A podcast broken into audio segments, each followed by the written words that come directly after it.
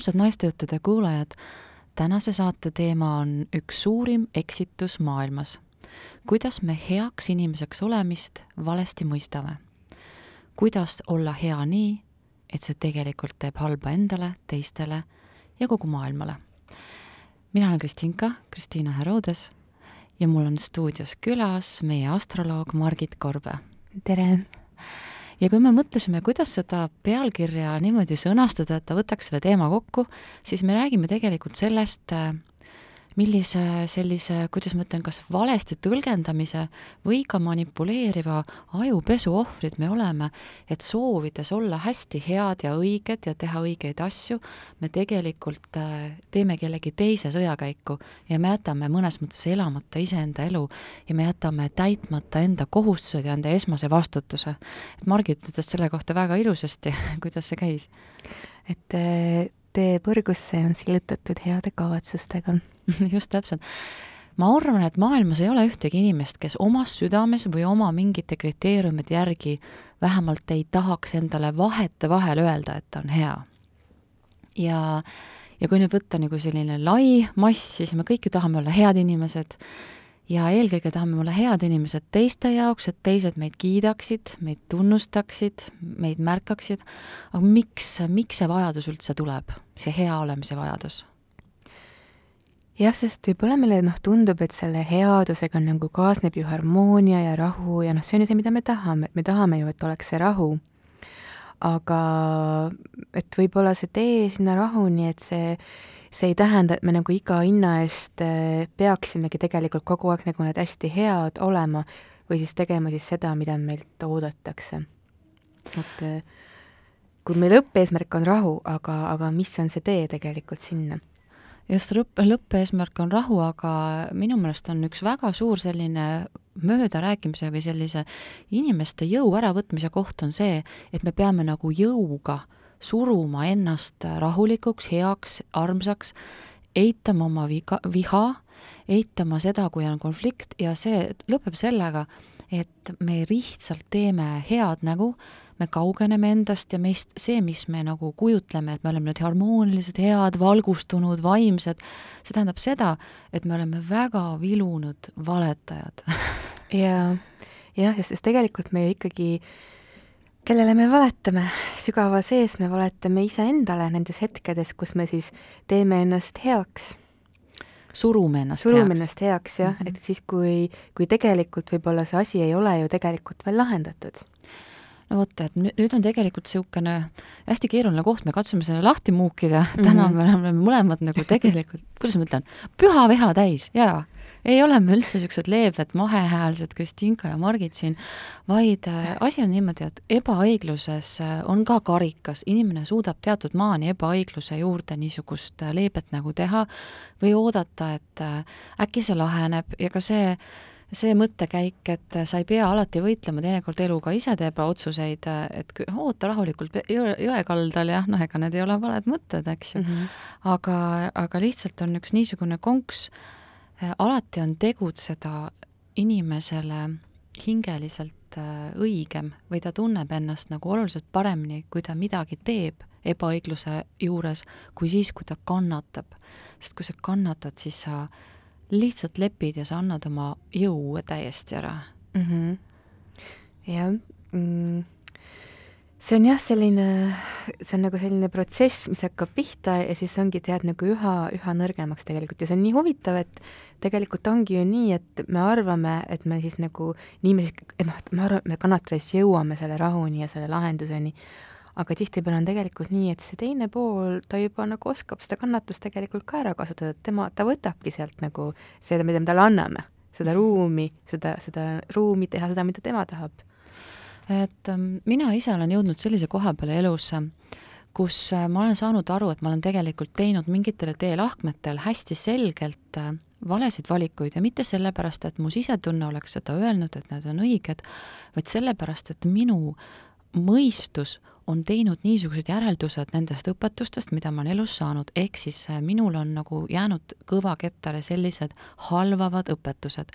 hea inimene ei lähe konflikti peale, hea inimene ei vihasta ega ei äh, näita oma viha, ja hea inimene ei tohi äh, nii-öelda vali, valida vastuseisu teed, ehk siis äh, põhimõtteliselt selli-, sellise kontseptsiooniga hea inimene on äh, inimene, kellel puudub tahe, kellel puudub visioon ja kes luba, kellel puuduvad ka piirid. ehk mm -hmm. sa mhm. lased ennast nii-öelda üle lasta, sa lased endale sisse sõita, üritad kogu aeg pehmelt-pehmelt äh, taanduda ja nii-öelda heaga saada, aga, aga sellistes olukordades, äh, mida elu teeb, ta paneb sulle uue õppetunni, sama õppetunni uuesti natukene karmimal kujul ja kui sa ikka teed sedasama pehmovärki, siis ta mm -hmm. paneb järgmise, mis on raskem ja järgmise ja järgmise ja see kordub täpselt nii kaua, kuni sa teed nii-öelda õige järelduse. ja praegu ma olen selles punktis, kus mul on kuidagi nagu kärgatanud läbi, me just täna hommikul Margitiga rääkisime, et see olla pehme, olla leppiv, olla vaikne, mitte, mitte kunagi öelda midagi nii-öelda välja, sest et ka see, Eesti ühiskonnas on ka see levinud, et sõnumitooja lastakse maha. Mm., see, kes toob probleemi kalevi alt alla, välja, see on see, see on see konfliktne ja halb inimene, temale pannakse väga kergesti niisugune negatiivne silt, ehkki reaalselt võib olla tema ainukene, kes heidab mustale olukorrale valgust et äh, see ongi see koht, kus peab otsima mingi hoopis teise lahenduse, ma loodan, et me koos sinna mhm. jõuame ja, ja tegelikult need kohad ju on need potentsiaalsed kasvukohad nagu tegelikult kõigi jaoks. et kui, et ongi, kui see must kohtub seal valgega, et et kui tõeliselt nagu silmitsi seista, et mida siis ka teisel poolel peegeldada ja vastu nagu näidata on, et siis seal oleks, seal võiks nagu potentsiaalselt olla hästi suur selline arengu ja kasvu koht, aga tõesti, nagu sa ütled, et Eesti ühiskonnas see ei ole alati lubatud või lastud, et see on nagu üsna selline mingi koht, kus on midagi seisma jäänud. ja see on hästi selline äh, natukene selline, ma, ma, ma ei tahaks tegelikult meestele ka liiga teha, ega mehed ka väldivad äh, probleemi väljaütlemist täpselt samamoodi nagu naised. Ise, isegi rohkem vahest, isegi rohkem, naised on need, kes võib-olla kangutavad, ütlevad, me peame rääkima. Ja ja kas see on ka see Eesti alalhoidlikkus või? et ei, nagu alati ei ole seda julgust minna nagu pea ees ja öelda, et kuule, et, et, et ikkagi praegu ei ole okei okay see asi no vaata praegu kogu, äh, kogu maailm mõnes mõttes äh, hirmu ja pisaratega segatuna imetleb ukrainlaste vaprust yeah. ja, ja mõnes mõttes, äh, kui vaadata, mis siis tegelikult on eskaleerunud, on täpselt seesama asi, mis toimub väikestes mikroversioonides absoluutselt igal pool, töökollektiivides, perekondades, poliitika äh, sfäärides, on selline vägivald väike kiuslik vägivald, kes mm -hmm. taktikaliselt on laiendanud oma positsioone, kuna valeinfo maailmas saab alati selle nii-öelda musta saab valgeks rääkida, meil toimuvad suur, suured PR-aktsioonid, mis on siis praegu ülekantud tähenduses, on see propaganda ja, ja need väiksed mikromudelid teevad täpselt sedasama, mis praegu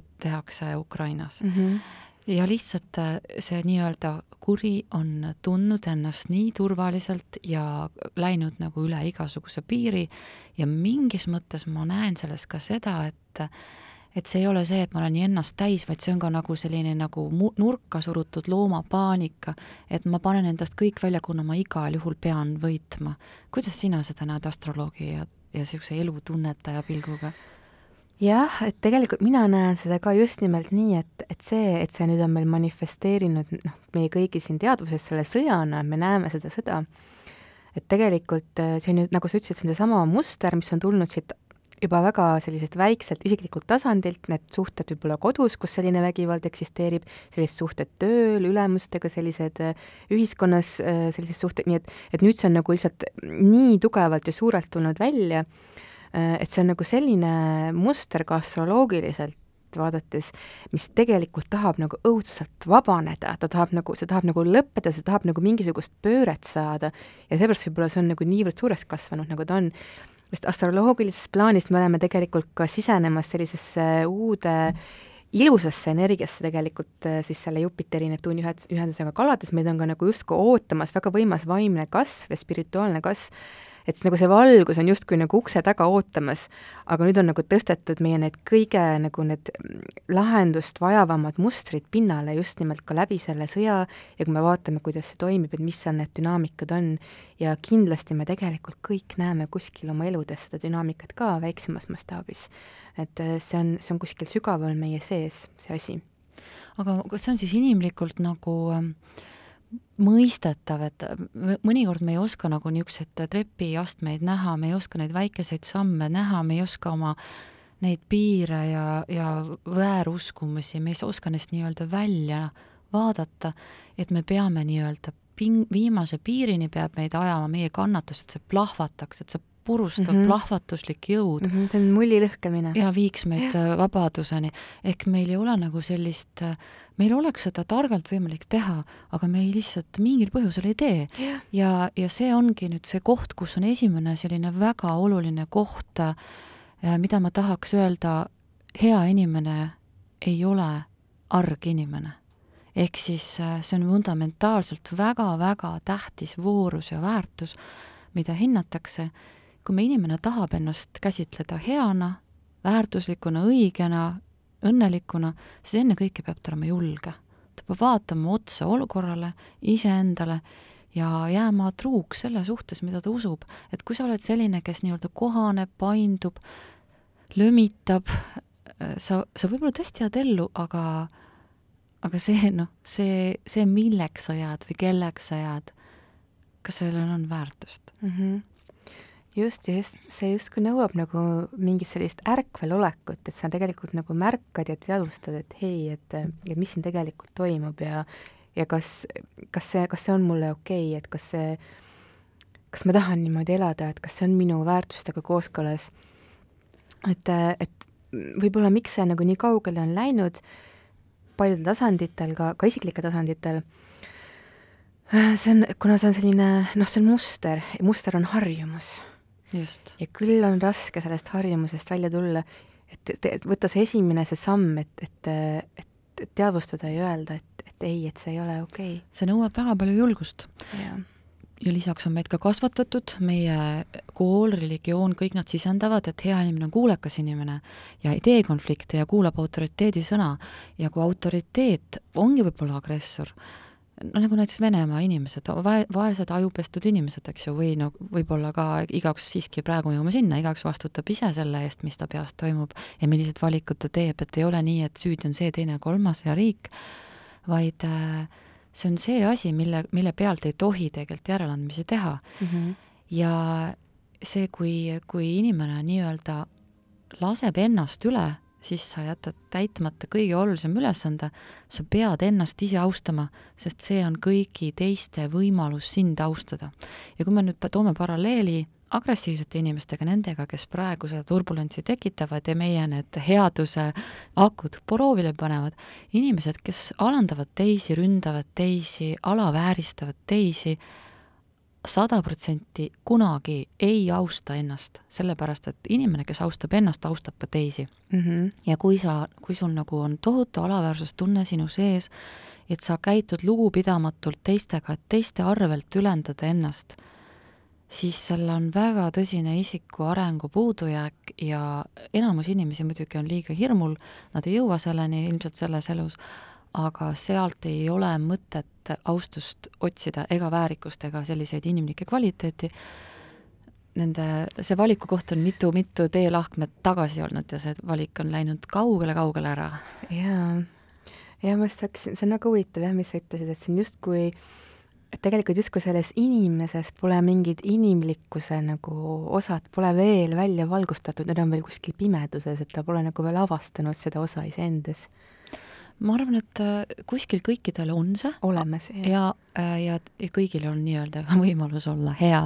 vot see on nüüd jälle see minu naiiv, naiivsuse puhang, aga, aga see headus ei käi niimoodi, nagu meile on räägitud, headus käib hoopis teistmoodi. ma toon ühe väikse näite, mis mul meelde jäi, äh, kui, kuidas, mis on üldse väärtuste süsteem või mis on nagu hinnatud ja, ja väärtustatud, siis Eesti lastele kasvatatakse seda, ole vaikne, ole sõnakuralik, äh, ole alati, tüdrukud peavad olema alati rõõmsad, poisid peavad olema alati tublid, et meil on selline nii-öelda piiritletud ja mõnes mõttes ahistatud e er arusaam headusest.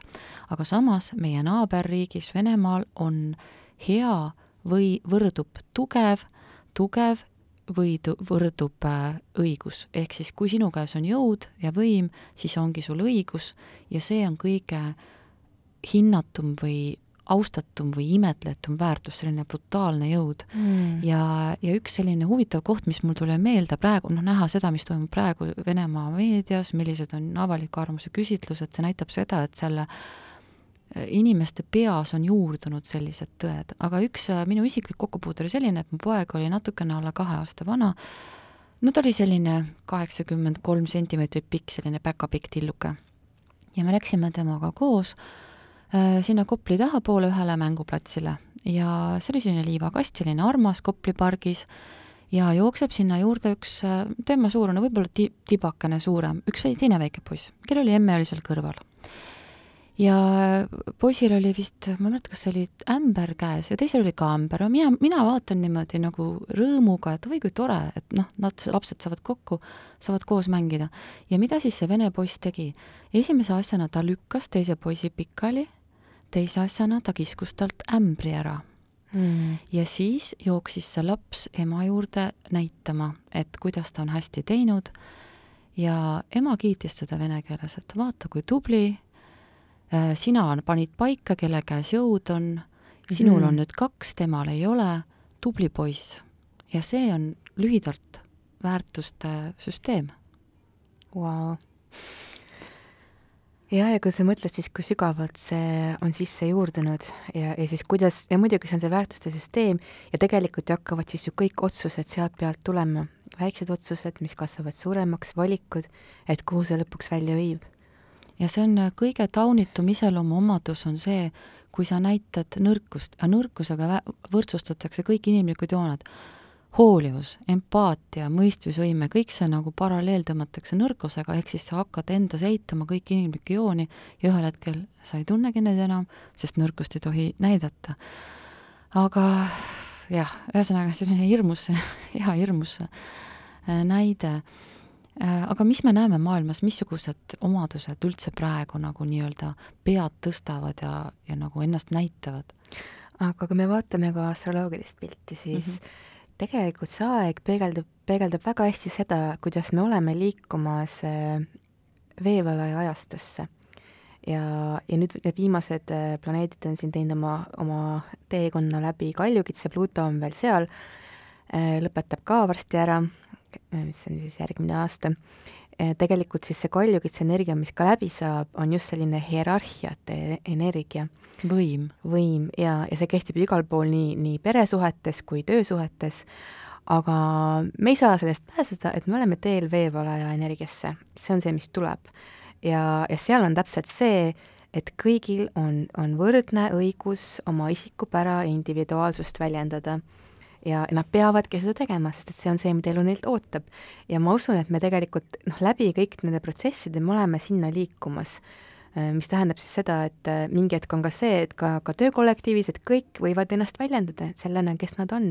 ja minu meelest sina meid väga hästi juba, juba selles suunas juhid aga vaata, päris palju planeete juba on ju veevalajas, et see ajastu see ajastu on juba alanud tegelikult. saba, on veel kaljukitses. jah, jah, et see ajastu on juba alanud, aga läheb tugevamaks ja, ja nagu hakkab kanda kinnitama tasapisi. ehk siis need, kes toetuvad äh, lihtsalt positsioonile ja võimule, kas siis äh, kätte nõutud või võideldud võimule, väga sageli need võimud on tsementeeritud sisuliselt sõjaväeliste korralduste ja struktuuridega, ehk see yeah. kogu see hierarhia ja positsioon allub ainult hirmule ja nii, kui kaob see hirm ja kontroll, siis absoluutselt silmapilk valgub see laiali.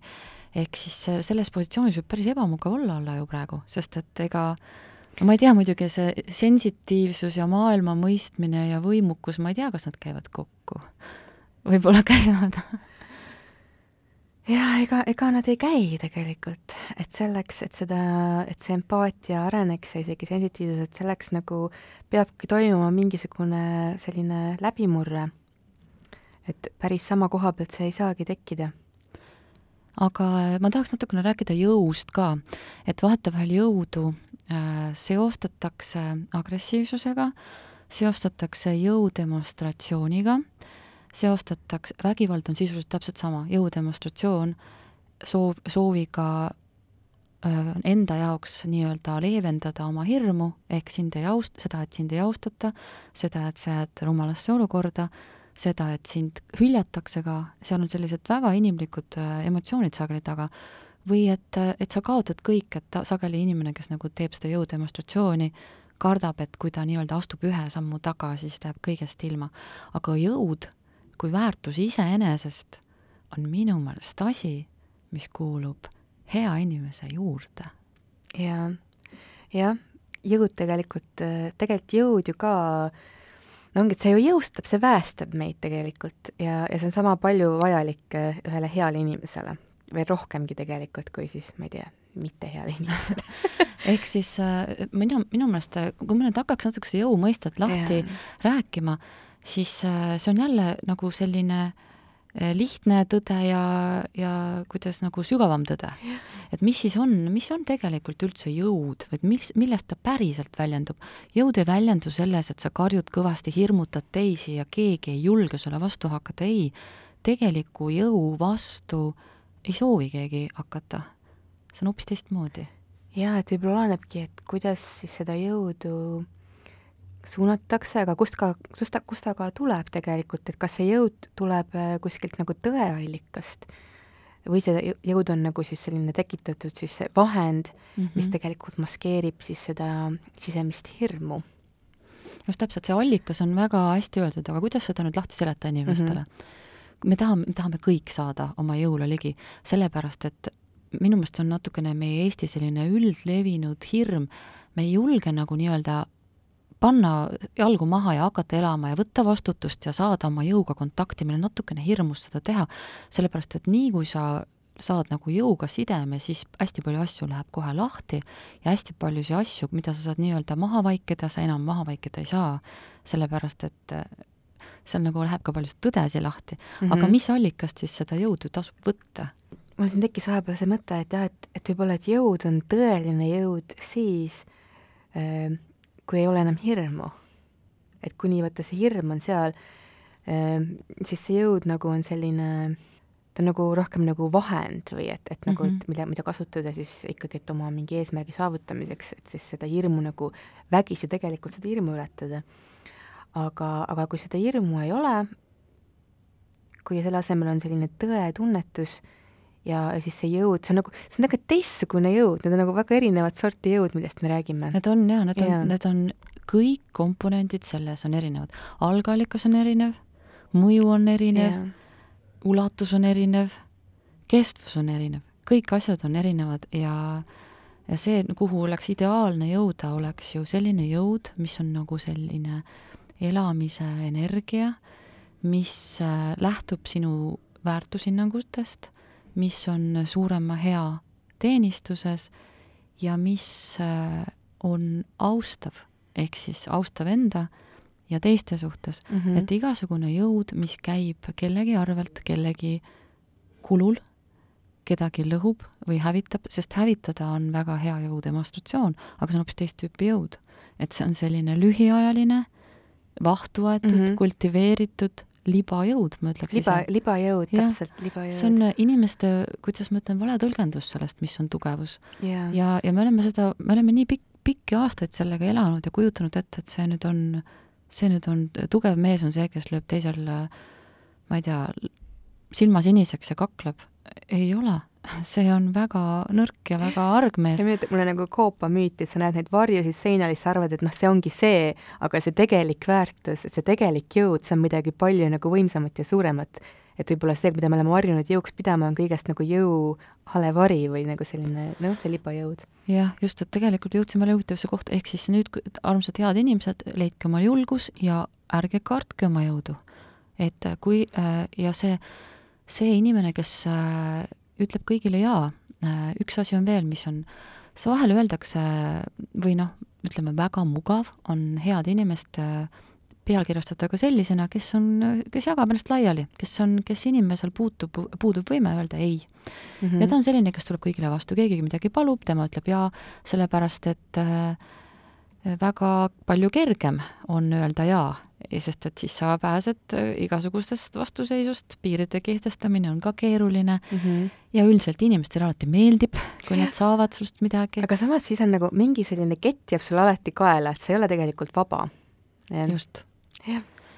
ja, ja nüüd räägi edasi, see keti asi on ju huvitav ehm, jah, mis ma veel enne seda mõtlesin nojah, et kui sa, kui me ütleme nagu kõigele jah, et äh, võib-olla see viga ongi, viga, probleem ongi selles, et, et me oleme, meilt on nagu võetud ära see usaldus, et äh, et kui me nagu oma selle sisemise tõe järgi toimetaks, et selle, seda jõudu kasutaks, et see meid tegelikult kuskile viiks või et ja siis me oleme tegelikult nagu andnud ka oma selle, selle jahiga, me oleme andnud oma selle sisemise jõu kellegi teise kätesse ja me oleme nagu ikkagi noh, tema täiesti nagu tema taltsutada või või talutada või mis sest just täpselt, et keegi, keegi realiseerib oma missiooni ja oma elusoove ja me ei julge öelda ei. Ja siis me oleme väikesed mutrikesed tööriistad tema plaanis. Ja, ja mida siis, mis see tegelikult on see tulemus, on see, et me tegelik-, me teeme kõiki asju kõikide teiste projektides. Ja aga kes teeb meie projekte, kes teostab meie ideed, kes on see inimene, kes viib ellu sinu unikaalse missiooni, sinu unikaalsed anded ja see ei ole üt-, ühegi inimese elu ülesanne äh, olla see mutrike, sellepärast et äh, sul on võib-olla hoopis olulisem ülesanne. Ja väga tihti ma olen näinud niisugust huvitavat mehhanismi, et elu äh, neid held, nii-öelda heldeandja, kes on see, ehitas kõik elumajad teistele. Äh,, see on üks väga-väga hea luuletus. Äh,, elu neid heldeid andjad, kes on nagu iga parameetri järgi ju nii head inimesed, nad on teinud kõik, kõik teiste jaoks aga elu klohmib neid.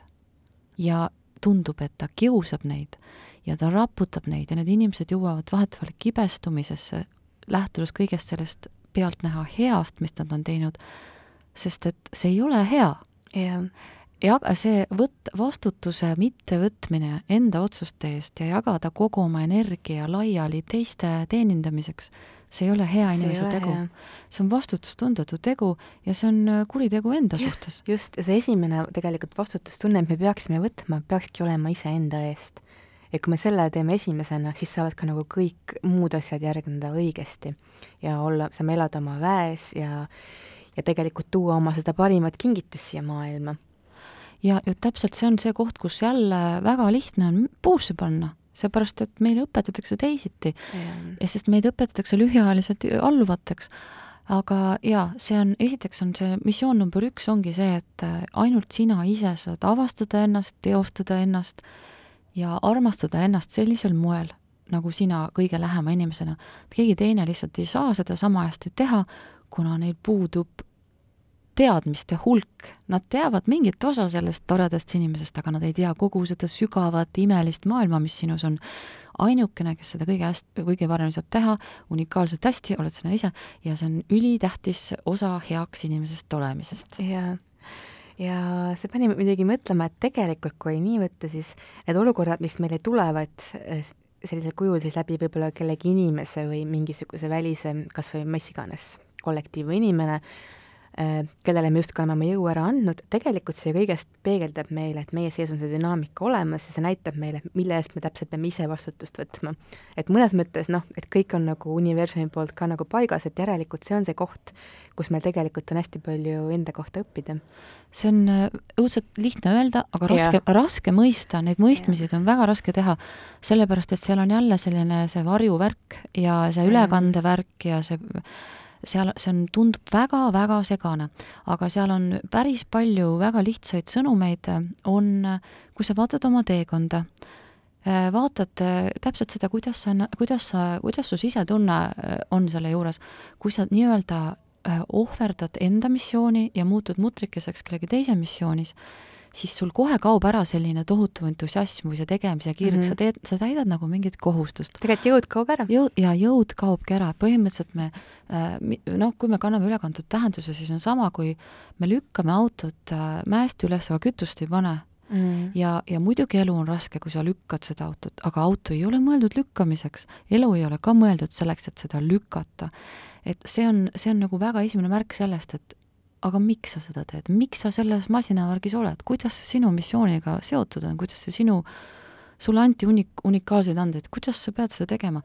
ja kui sa lähed nagu õiget asja tegema, siis hakkab see auto sul sõitma ja ta võib hakata sul ka lendama, see auto.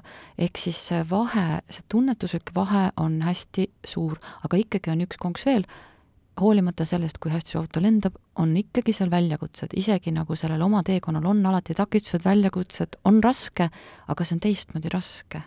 et mina tunnetan seda niiviisi, et äh, see ongi täpselt, kas ma teen mingit mingit tüütut kohustust või ma teostan ennast või kuidagi mm -hmm. see on nagu nii, nii hästi on see, see südame põhjas, minul on see kuskil siin roiete all on see tunne. Jah, seal on tegelikult see tunne jah, see, et kas me tunneme seda tugevat jahhi, et jah ja., et jah, see on, ja tegelikult meil kõigil on see olemas sees, see tugev jah, aga kui paljud on seda ära kaotanud? no sellepärast, et on peab on peab mm. -hmm. ja, ja peab on üks äh, kuri loom, kes äh, noh, inimesed ei julge selle peabiga üleüldse nagu nii-öelda argumenteeridagi ja siis, kui sa hakkad selle vastu, siis tundub, et aga ma olen ju paha inimene, kui ma seda teen. kui ma ei täida kõiki neid kohustusi. No e, e ma arvan, et kõikidel on meil see, juba see ellujäämise illusioon, et see tähendab tohutut hulka kohustuste täitmist, juba see on natukene selline kahe, kahtlaselt positsioneeritud.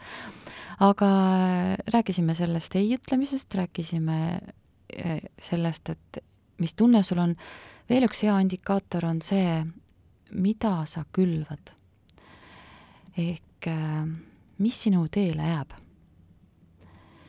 Ja see on äh, üks koht, äh, kus, kui sa seda nii-öelda hingad välja ja vaatad, sa näed täpselt, mis on sinu mõju. mõni inimene käib ja külvab loovust positiivsust, energiat ja see toimib niimoodi, et sa mitte ei käi nagu akupank ja jagad kõik endast ära, ei. kui sa niimoodi teed, siis sa teed tegelikult valesti. See käib olema hoopis see, et sa oma isikliku endas olemisega innustad teisi endas olema. kõik mm. see, mis nemad loovad, loovad nemad sa ei anna neile tegelikult midagi mm. -hmm. nii kui sa hakkad nii-öelda andma, see on selline karkudega ja, jauramine, on ju, seepärast mm, -hmm. et see, need inimesed on sinust sõltuvad ja sa ei anna neile mitte midagi peale selle hetkelise sõltuvusest tekitatud illusiooni. ehk siis mida sa jagad, mis su teele jääb, mida sa külvad. on terve hulk inimesi, kes teevad oma tööd, ajavad oma asju, kulgevad ühest ettevõttest teise ja nad külvavad hirmu, usaldamatust, kaost, traumasid. Nad külvavad kõike seda, mis nende enda sees on, maha vaikitud.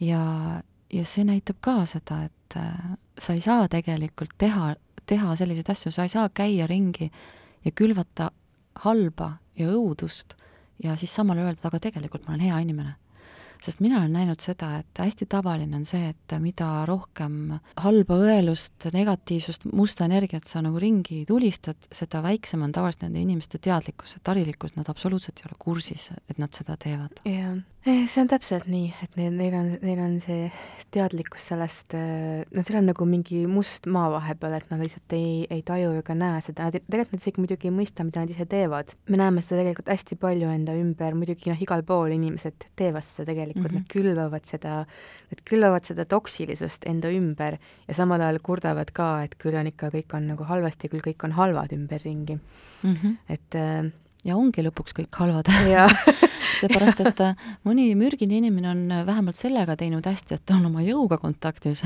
ta saab seda päris kõrgel, kõrges kaares külvata. ja see tegelikult, see on hästi huvitav, see teema oli mul nädalavahetusel jutuks ka, et et mõnes mõttes selle kohta vist isegi on tehtud mingi, ma ei mäleta, mis selle nimi kahjuks oli, aga sellised testid, mis äh, tegelikult näitab, et, et inimene on nagu niivõrd, mitteteadlik inimene on niivõrd mõjutatav, et, et läbi mingi manipulatsiooni ta on tegelikult võimeline nagu lange, langema väga madalale käitumistasemele ja tegelikult, et mõnes mõttes on nagu kõik inimesed selleks äh, võimelised, kui see ka ütleme, kesk-, samamoodi näiteks Vene sõdurid on ju mm, -hmm. et noh, et vastavalt siis see, kuidas see keskkond neid loonud on ja, ja mis neile on nagu pähe tammitud, et miks nad on nagu niivõrd madalale laskunud, et mõnes mõttes, et inimestes on nagu see potentsiaal olemas, et nad võivad olla nii mõjutatud, aga kui sa oled ise nagu teadlik ja avatud, sa mõistad nagu inimloomust, et siis esiteks sa nagu näed seda ja sa nagu ka ei vihka neid selle pärast ja ka nagu ei süüdista neid sa kuidagi ja sa näed ka nagu noh, sa näed palju asju nagu hoopis teisest eh, perspektiivist.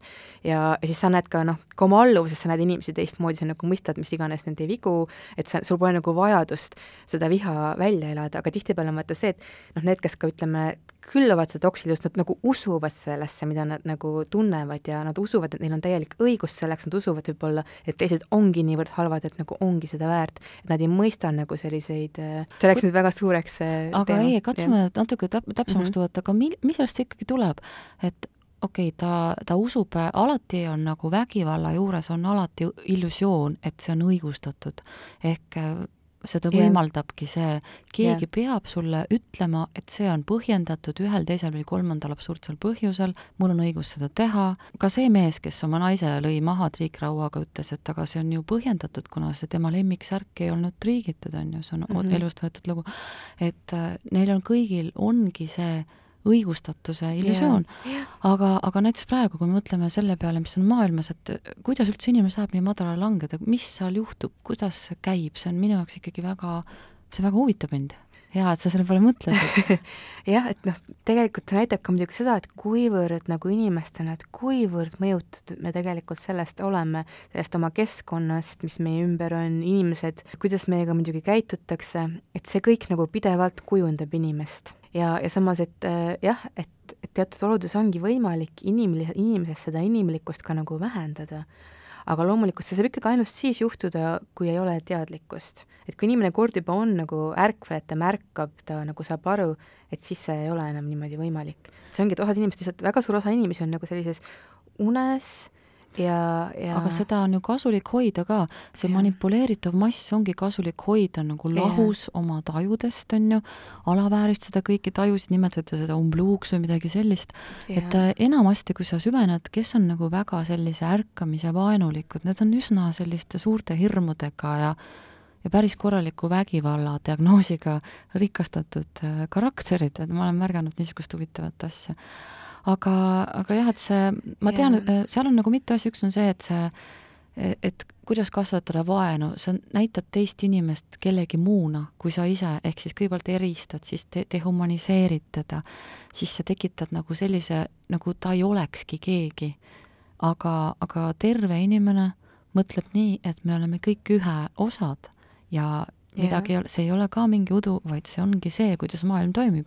ja kui sa lõhud ühest otsast, no sama hästi kui põleta enda varbaid, muidugi sul on valus, sest sul ei -hmm. saagi teisiti olla, see peabki nii olema ja tundub, et terve inimene nagu ta võtab, tegelikult ta võtab üsna kergesti teise inimese oma südamesse, et ta võt-, nagu kuidagi noh, ta näeb teda, et oo oh,, et ta saab aru, on ju, temast ja ta saab aru, ta võtab teda nagu noh, inimlikkusega mm. -hmm. aga siis, kui seal on see teatud selline nihe on sees, et ma ei tea, kas mitte terve inimene saab selle kohta siis öelda või et Inim, äh, tegelikult mina ütleks isegi, et need inimesed on saanud haiget enam, enamus ja. väga kurjasid inimesi, neil on midagi, nendel on endal Side mingi, mingi sees. trauma, midagi on katki, midagi segab, et äh, ja ma olen nagu niisugune idealist, et loomulikult äh, kurjategijad peavad võtma vastutuse, saavad saama karistatud et selline passiivsus on tegelikult kõik vägivalla õhutamine ja selle soodustamine, et mm -hmm. sellist olukorda kindlasti ei tohi keegi võtta, kes seda kõrvalt näeb mm. -hmm. aga no algselt see inimene oli samasugune hea inimese potentsiaaliga, lihtsalt läks seal õrnas eas kusagil läks midagi nihu. aga noh, hea külje pealt ongi see, et praegu paljud inimesed maailmas, kellel on võib-olla äh, empaatiakanal näiteks on olnud uinuvas olekus või ta, ta ei teagi, ta ei tea ligipääsu oma sellele südame headuse ressursile, siis praegu kõik need on käivitanud, kõik need on lahti läinud, inimesed saavad aru, et oo, ma olen hoopis see ja, ja on leidnud nagu endast teisel moel ka jõu ülesse aga kui me lähme selle peale, mis on nagu headeks omadusteks hinnatud, siis selle kohta on hästi palju tehtud küsitlusi, uuringuid, on kirjutatud mitu raamatut ja tavaliselt on siis kõige hinnatumad jooned on äh, ausus, vastutustundlikkus, austus nii enda kui teiste vastu ja no mm. väga oluline on see koht, et enda vastu, siis äh, empaatiavõime, koostöö tegemise oskus äh,, enesevalitsuse oskus ehk siis ka stabiilsus, tasakaalukus kõige tähtsamal kohal tavaliselt on nendest äh, autentsus ehk siis ausus mm. -hmm. ehk see inimene, ked-, keda sa saad usaldada. ja kui me nüüd lähme algusesse tagasi äh,, räägime autentsusest, räägime aususest mm, -hmm. siis see äh, nii-öelda argipäeva arusaam heast inimesest on ju väga kaugel aususest. jah. see, kes proovib kõigile sobida, kardab konflikte, vaikib probleemid maha, kuidas see aus on? jah, naeratab siis, kui peaks võib-olla rääkima, noh, et mis ta tegelikult hingel on või jah. no näiteks äh, konfliktiolukordades, kõikides, kus toimub vägivald, on väga palju pealtnägijaid ja valdav osa neist pealtnägijatest vaikib, kuna nad ei, nii-öelda ei taha konflikti. see on täpselt sama mudel, mis praegu maailmas suur osa Euroopast vaikib, nad ei taha konflikti, nad ei taha kõrglõikajaga kakelda seda teevad inimesed oma tavasuhetes ka. seda teevad koolilapsed, kui ühte poissi pekstakse, siis seal seisab võib-olla kaksteist poissi kõrval. Nad ei ütle midagi, nad ei kaeba ära ka, seepärast et nad nii-öelda tahavad konflikti vältida. jah, mõnikord on ka peresuhetes nii, et siis teised võib-olla seal ümber, nad ei taha nagu näha seda, mis seal toimub ja, ja hoiavad siis sellist äh, hoiakut, et kõik on ju tegelikult hästi, kuigi ei ole. just, ja see on, vaata, maailm on pannud sellisesse kohta, et äh, oh, kutid ja daamid, et äh, valesti saite aru. see asi ei käi niimoodi. ja tundubki, et nüüd justkui see universum keerab neid tuure peal, näitab, et noh, kui hallaks peab minema, enne kui te tõesti tunnistate, mis toimub ja, ja et see ei ole okei okay niimoodi. et kui te noh, teete midagi. siis ma leidsin ühe teise uuringu, mis on seitse kõige olulisemat äh, joont, head omadust inimesele, et ta elus saaks hakkama, siis äh, need on äh, kohe esikohal on visadus, ehk siis sa oled meelekindel, sa jääd endale kindlaks, sa oled sisuliselt seesama, mis me siin rääkisime, sul on nii julgust kui jõudu. ehk hea, hea inimene ilma julguse ja jõuta ei ole niisugust asja. Yeah.. siis on samamoodi teisel kohal on stabiilsus, see tähendab seda, et sa oskad ennast ise mõista ja oma tundeid reguleerida. see käib tegelikult väga lihtsalt, kui sul, kui sul on lai pilt, siis sa ei reageeri mikroasjade peale üle ja, ja seal on veel üks konk-, konks, et see, see ei ole, see ei tähenda iseenesest tunnete mahasurumist, vaid see tähendab teinekord võimet mõista erinevaid vaatenurki. sest mm. kui sa näed erinevaid vaatenurki, siis sa võtad asju vähem isiklikult, sa oled vähem haavatav ja sinu reaktsioonid on oluliselt äh, madalama selle amplituudiga, kuna sa lihtsalt näed seda teist ja kolmandat põhjust selle taga ja see põhjuste komplekssus tekitab olukorra, kus sul ei olegi tarvis oma emotsioonidega kakelda ja tulebki stabiilsus siis on väga tähtis asi, on entusiasm, elust aktiivse osavõtuvõime. see on väga-väga oluline, aga see, kuhu praegu me jõuame, ennem seda sõda maailmas, me olime suht passiivsed, me valisime mugavamaid toole, me tiksusime kaasa ja, ja sa-, sageli, kui keegi hakkas nii-öelda aktiivselt elust osa võtma ja nii-öelda lammutama mm, -hmm. siis teised küsisid, mis sul viga on, miks sa nii yeah. palju tõmbled et seda kritiseeriti ja, ja kogu see vaimne ärkamine on samamoodi minu meelest seotud mitte sellega, et nüüd ma hõljun siin naisenergias ja midagi ei tee, ei, see on ka see, et võtta aktiivset osa, võtta härjal salvist. siis väga tähtis asi on sotsiaalne intelligentsus, emotsionaalne intelligentsus, võime inimesi mõista. võime tunda päriselt sügavuti tänulikkust ja väga lihtne asi veel, optimism. see on mm -hmm. nüüd ka üks konksukoht millest me võiks natuke nat-, rääkida lähemalt, mm. et optimism on ka ohtlik värk, mida sina sellest arvad? no optimism, kuidas võtta jah, et kas selles, selles suhtes, et kui, kui me ei tunnista kõiki fakte nii, nagu ta on, me siis keskendume sellele, et noh, et küll läheb kõik hästi ja mm, -hmm. ja ilma, et me nagu vaataks, et mis siis tegelikult praegu ikkagi toimub, et kui kaugele asjad on läinud ja, ja võib-olla ka see, et mis me tegelikult teha saaks, et me lihtsalt võib-olla ka nagu, et vahel on ka see, see ootama jäämine võib-olla, et noh, see on ka mõnes mõttes optimism, on ju, et noh, et küll see, küll läheb korda või et või ka, või ka see muidugi, et me tahame nagu võib-olla, no ja vot see optimism, et meil on kalduvus näha inimestes head ja olukord, et meil on nagu, et jaa, et noh, et keskenduda ikka sellele heale, on ju, alati. aga see iseenesest ju pole halb. see pole, see pole iseenesest halb, siin on konks, nagu sa ütlesid, see konksuga asi, et et kui me teeme seda selle arvelt, et me ikkagi ei tunnista neid tõeliselt eh, halbu asju, mis meie silme all juhtuvad mm. -hmm. paneme silma kinni ja. Äh, ja eitame probleeme. Äh, mida me teeme, me oleme kaasosalised tegelikult. kõik inimesed, kes näevad vägivalda, näevad julmust, näevad väärkohtlemist, näevad tegusid, mida ei tohiks teha, ja lasevad sellel sündida, ära arva, et elus, elu ei kasseeri sinult seda sisse, seda maksu, sest et kõik, kes näevad, on otseselt äh, vastutavad toimuva eest, sest sinu teadlikkus sellest juba paneb sulle vastutuse, ehk sa pead võtma, sa ei saa Just. jääda passiivseks, sa pead võtma seisukoha. ja minu sõnum on mm -hmm. see, et kui sa näed ebaõiglust, see ei tähenda seda, et sa pead minema jooksma röökides Facebooki seinale sinna mingit jura ajama, aga sa pead tõmb-, tõmbama selja sirgeks ja tegutsema ja neid, keda rünnatakse, ma tean, et väga populaarne on see, et kõik tahavad olla võitjate poolel, see on see, mis praegu Putini populaarsust ka tõstab, et keegi ei taha olla see, keda kotitakse ja taga kiusatakse, sest see on ju ohtlik. palju lihtsam on võitjatega kaasa karjuda ja nii-öelda olla selle nagu populaarsema gängi pande poole peal.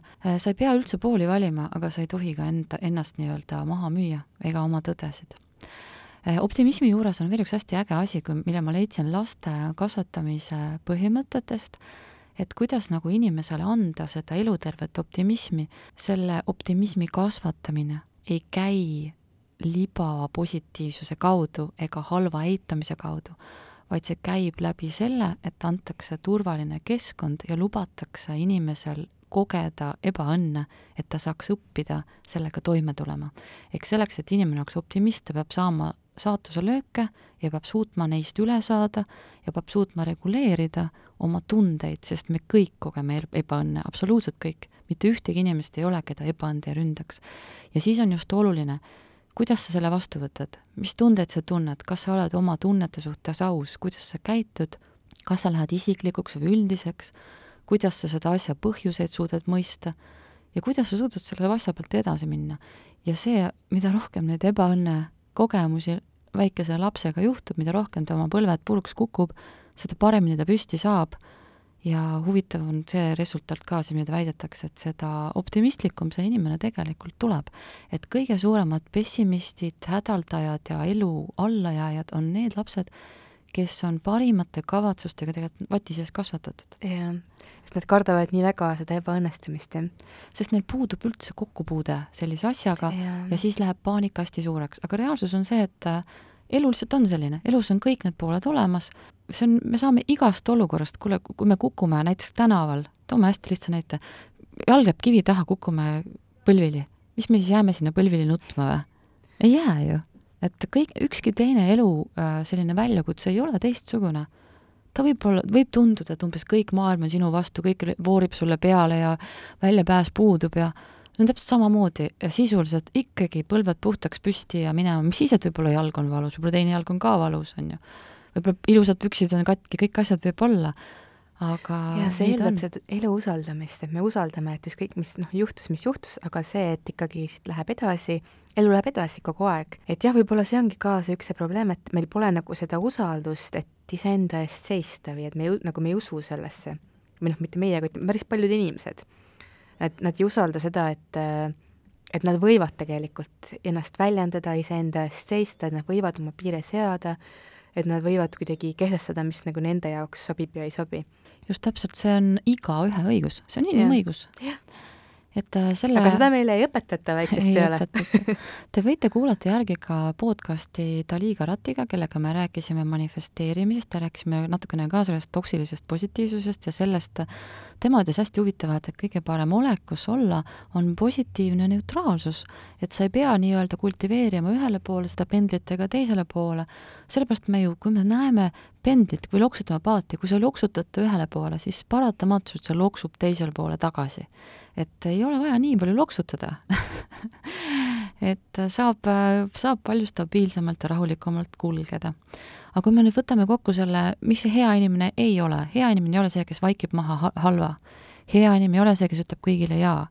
hea inimene ei ole see, kes jätab oma elu äh, teiste pärast elamata, ehk see eneseohverdamine ei ole ka Nii, hea inimene hea inimene ei ole pehme laialivalguv äh, selgrootu inimene. ehk väga, ja hea inimene ei ole inimene, kes pimesi allub. hea inimene on see, kui sulle antakse korraldust, kes jookseb pimesi täitma, kes see inimene on? hirmul inimene mm. -hmm. inimene, kes, keda juhib hirm, ei ole kindlasti hea inimene. vaid hoopis hea inimene on see inimene, kes on hoopis teised põhimõtted me nüüd toome välja, mida võib-olla ei ole öeldud, kes julgeb kes tunnetab oma jõudu, kes ütleb ei, et realiseerida oma tõde, kes jääb ausaks ja autentseks, autentseks, nii keeruline sõna, ja kes äh, kompromissitult austab nii ennast kui teisi. ehk need on minu meelest väga tähtsad asjad. tahad sa veel, Margit, midagi lisada? jah, et inimene, kes äh, jääb oma sisemistele väärtustele kindlaks tegelikult, et ta, ta usaldab nende järgi elada. fakt. ja tulemegi siia, et maailm ei vaja inimesi, kes on kergesti juhitavad ja kergesti manipuleeritavad, vaid me vajame indiviide, kes teevad muutust, toovad valgust ja aitavad meid paremasse homsesse. ja kui sa tahad testida, kas su hea inimene olek on üldse tõene või ei ole või sa oled natukene puusse pannud, siis kontrolli, mis tunne sul on ja vaata, mis su teele jääb, mida sa külvad. Ja sa, sa saad päris ilusasti selge pildi, ära kuula liiga palju teiste juttu, ka meie juttu võta filtriga, ehk siis ennekõike on oluline sinu oma tõde. Äh, suur tänu teile kuulamast, Margitit saate kuulata Zodiaagi sosinate podcastist, naistejutud on taas teiega juba järgmisel laupäeval. Mina olen Kristinka Kristiina Herodes ja kui sul on mõni mõte, mida sa soovid meiega jagada või tahad oma arvamust avaldada, siis ole kallis, kirjuta mulle või kirjuta meile naine.postimees.ee. suur tänu, tšau! tšau! naiste jutud, naiste jutud